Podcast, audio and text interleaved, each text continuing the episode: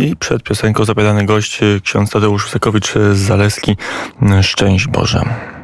Szczęść Boże, witam serdecznie. Mm, to proszę księdza, miałem nie pytać o mm, politykę zagraniczną, ale jednak zapytam. Mm, znaczna część polskiej delegacji do Europarlamentu nie zagłosowała za rezolucją tego ciała w sprawie uwolnienia normiańskich jeńców przez Azerbejdżan. Jak to się stało? Co to jest za historia? Czy już ksiądz interweniował jako także duszpasterz polskich Ormian?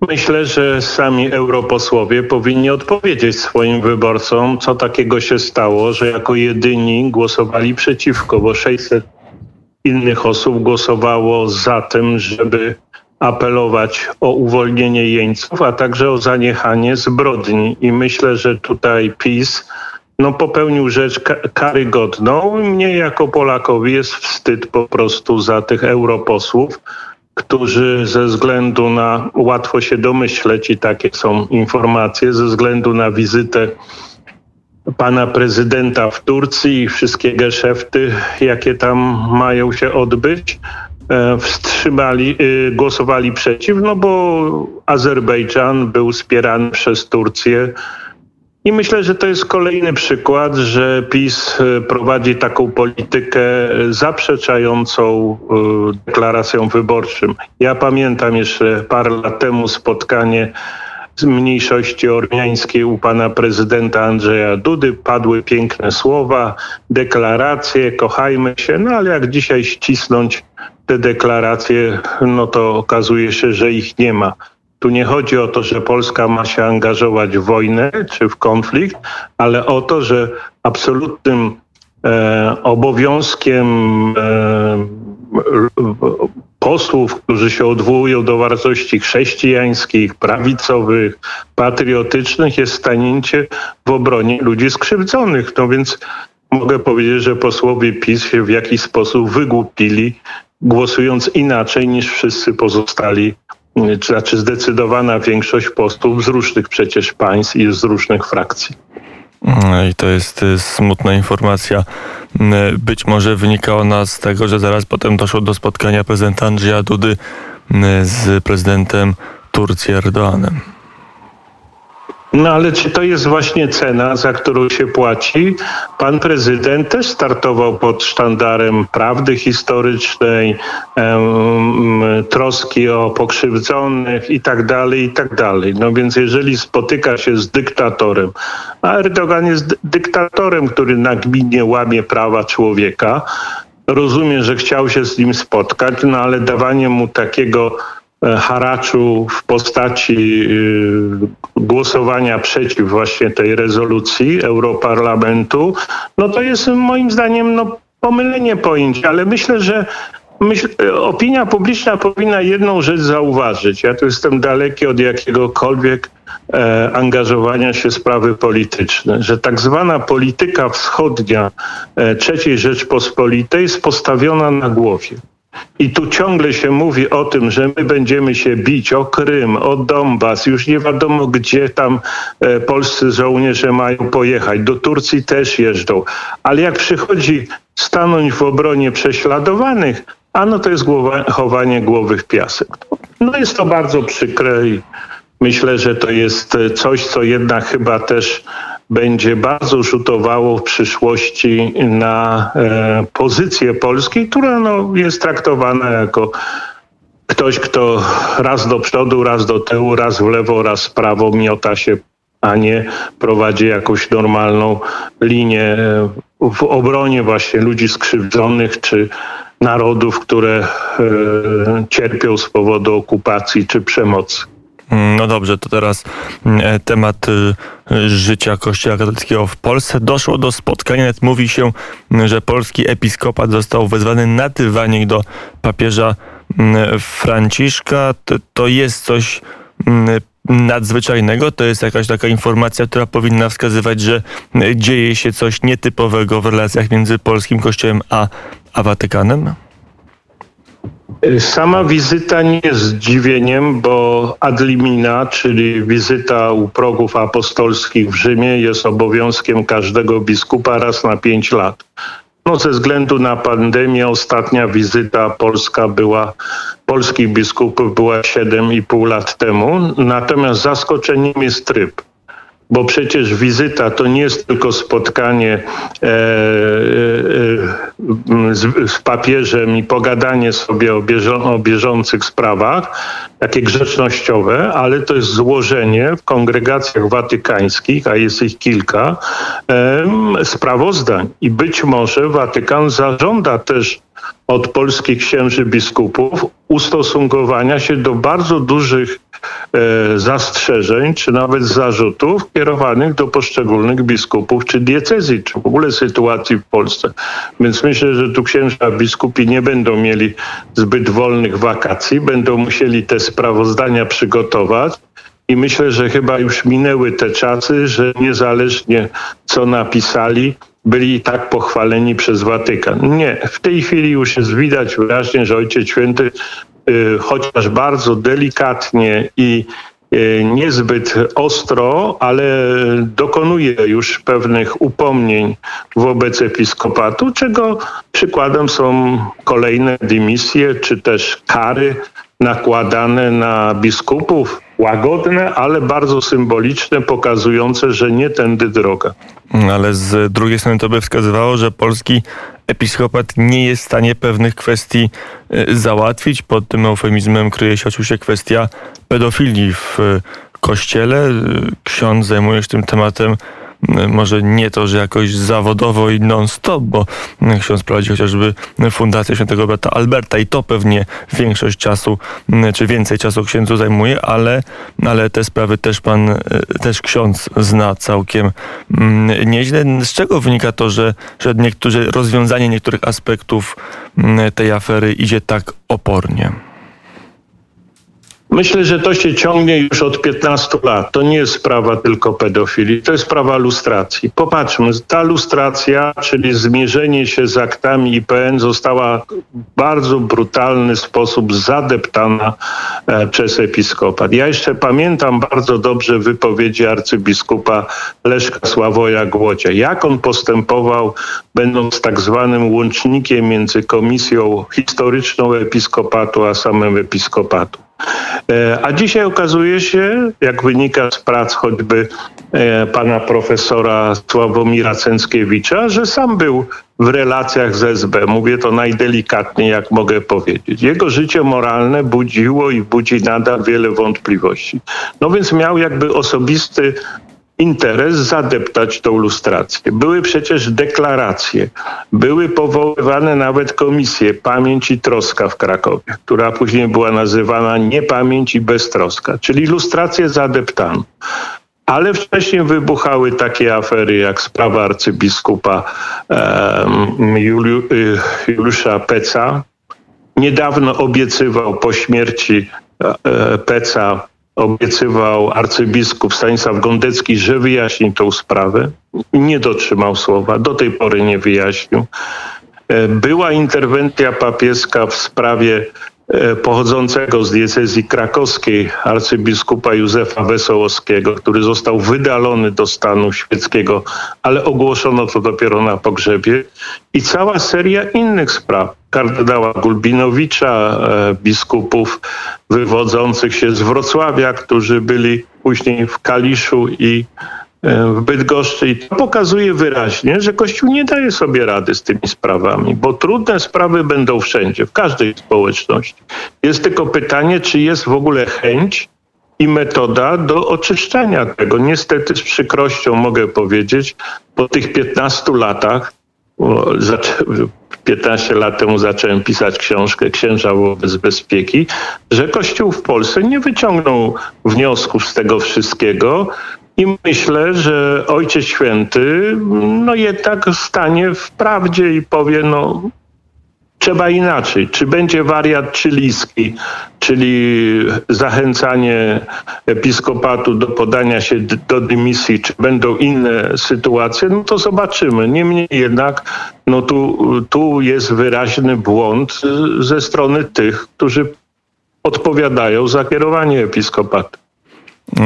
E, to jeszcze chciałem się mm, zapytać, dlaczego tak się dzieje? Znaczy, to jest tak, że, że episkopat nie ma siły, czy ktoś go szantażuje? Znaczy, gdzie jest źródło tego, tego braku woli w rozwiązaniu tych problemów?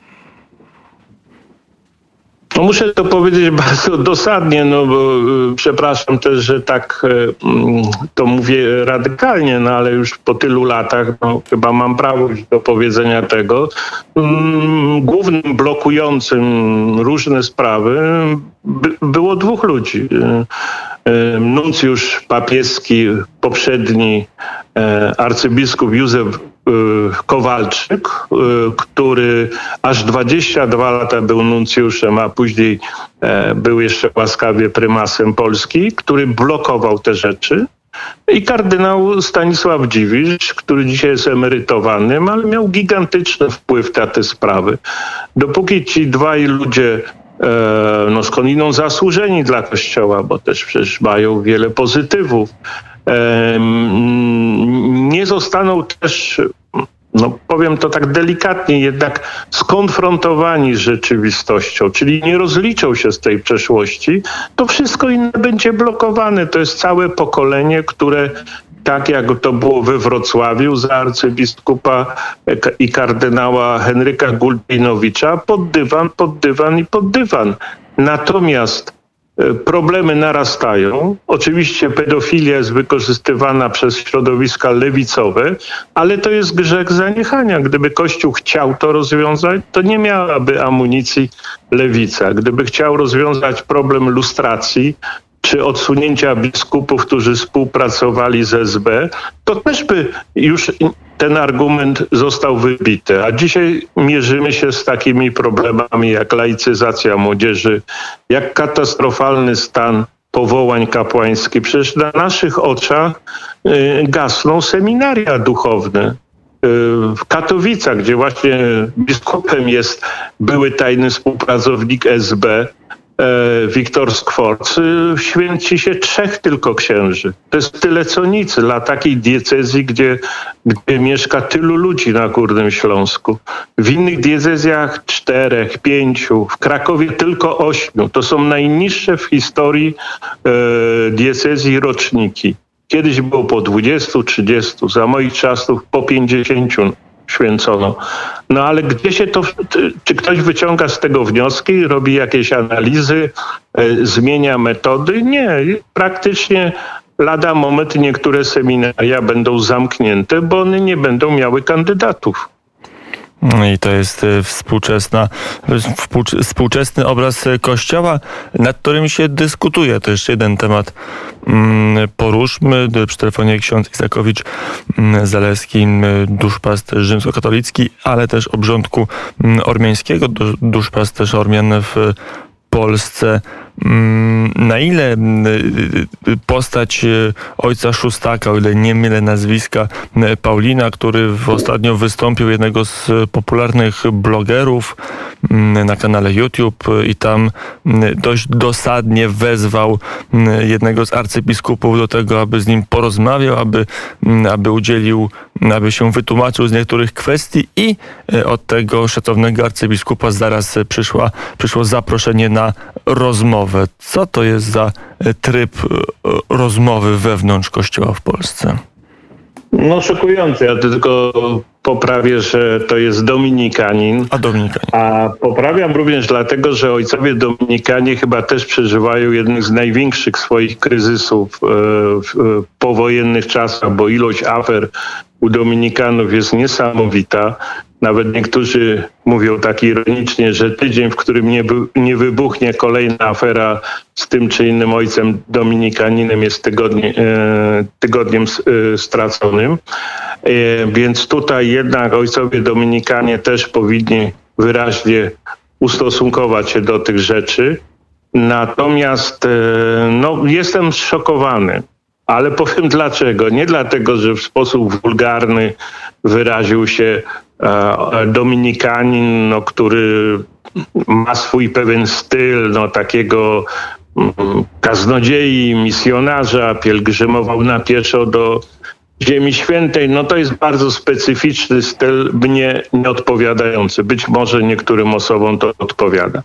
Tylko, że e, arcybiskup, chodzi o przewodniczącego episkopatu Polski, Stanisław Gondecki, e, zareagował dopiero wtedy, kiedy ten duchowny przeklinał na, do, ante, na, do mikrofonu. Tak? Stało się to rzeczą publiczną. Natomiast ja mogę powiedzieć, że mnie nie bulwersują te przekleństwa, no bo to jest kwestia kultury i wychowania, jakie daje zakon, bądź właśnie zakon nie daje takiego wychowania, ale kwestia tego, że ja znam bardzo wielu ludzi świeckich, którzy do tego samego arcybiskupa Stanisława Gondeckiego jako szefa episkopatu pisali w różnych sprawach, trudnych kościoła, dla dobra kościoła i albo dostawali zdawkową odpowiedź od samego arcybiskupa, albo od jego sekretarza, który jeszcze bardziej urzędniczo odpisywał typu wiecie, rozumiecie, nic się zrobić nie da.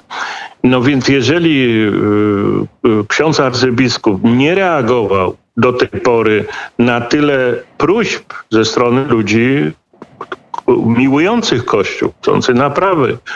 No i nagle teraz y, bierze kogoś, kto jest blogerem, to ja myślę, że to jest trochę pod publiczkę zrobione. Oczywiście chciałbym, żeby ksiądz e, arcybiskup powiedział na przykład e, e, ojcu Szustakowi, jaki jest jego stosunek do tych afer w zakonie dominikańskim, ale może też powie wreszcie, jaka jest ta prawda na temat e, ukrywania, molestowań kleryków w seminarium w Poznaniu za czasów arcybiskupa Peca. Więc gdyby te sprawy zostały poruszone, no to machnąłbym ręką na tą otoczkę i powiedział, że wreszcie przynajmniej dochodzi do dialogu. Tylko jestem ciekaw, czy rzeczywiście te trudne sprawy, jak homolobby, e, awansowanie e, e, duchownych, za którymi się ciągną skandale, nie tylko homoseksualne, ale inne, e, e, bezradność wobec laicyzacji młodzieży, czy ta wspomniana e, po prostu tra tragiczna sytuacja powołań. Czy one w ogóle zostaną poruszone? Czy też znowu wyjdzie dwóch duchownych i powie znowu, wiecie co, no, no my pogadaliśmy się wspaniale, trzeba iść do przodu. No to jest oczywiście szansa stracona. Być może z tej rozmowy coś wyniknie, natomiast ja pozwolę sobie tylko zaapelować, żeby jednak księża biskupi czytali to, co piszą do nich ludzie, bo oni później się zwracają czy do innych duchownych, czy do dziennikarzy. Ja też dostaję te listy i to są listy bezradności. Chcieliśmy rozmawiać, chcieliśmy przedstawić pewne rzeczy, ale nie było komu. No więc mm, nie tak, było. Trochę podsumowując, papież Franciszek będzie miał dużo do powiedzenia episkopatowi polskiemu, ale nie będzie to na pewno przyjemna rozmowa, wspaniale jest, klaskajmy, jakoś sobie przetrzymamy to wszystko. Mm, to jeszcze na koniec proszę księdza y, o sprawozdanie z działań fundacji. Tak, ja tu jeszcze tylko jedną rzecz sprostuję, że dzisiaj duszpasterzem Ormian w, w, w, Polsce jest ksiądz profesor Józef Naumowicz z Warszawy, zacny kapłan, który przejął ode mnie większość spraw. Ja oczywiście dalej jestem z obrządkiem ormiańskim związany. Natomiast ze względu na fundację, która ogromnie się rozwija, w tej chwili otwieramy 35. placówką, placówkę w Cerekwi koło Bochni, no jest tak wiele spraw. Natomiast cieszy mnie to, że po tych różnych krokach do przodu, do tyłu w czasie pandemii. Trzy razy te placówki otwierano, te, te, e, trzy razy zamykano. Teraz po raz czwarty, może do czterech razy sztuka te placówki ruszą z powrotem. Zaczynamy Dni Brata Alberta w czerwcu. Organizujemy ogólnopolską pielgrzymkę osób niepełnosprawnych we wrześniu do katedry we Wrocławiu, ale przede wszystkim tworzymy kolejne miejsca dla osób potrzebujących. A myślę, że pandemia też pokazała, że jest ogromny kryzys, mówiąc ogólnie, zdrowia psychicznego Polaków. Dlatego przymierzamy się także do otwierania takich placówek, które by wspierały nie tylko niepełnosprawnych, ale zwłaszcza młodzież i dzieci po tej traumie z pandemią związaną z tym zdalnym nauczaniem i myślę, że to jest nowe wyzwanie, czyli troska o ludzi, którzy no, nie wytrzymują tego naporu tych wydarzeń, które są w ciągu dwóch lat. Przy tej okazji bardzo dziękuję Radiu Wnet za pomoc, za akcję. E, Zachęcam do współpracy. Naprawdę jest bardzo dużo do wspólnego działania. Mm, e, I my e, dziękujemy za pamięć. E, Ksiądz Tadeusz Sokołowicz-Zaleski był gościem popołudnia wnet. E, Bardzo dziękuję. Wielki Bóg zapłać. Dziękuję bardzo, szczęść Boże. Mm, Do usłyszenia.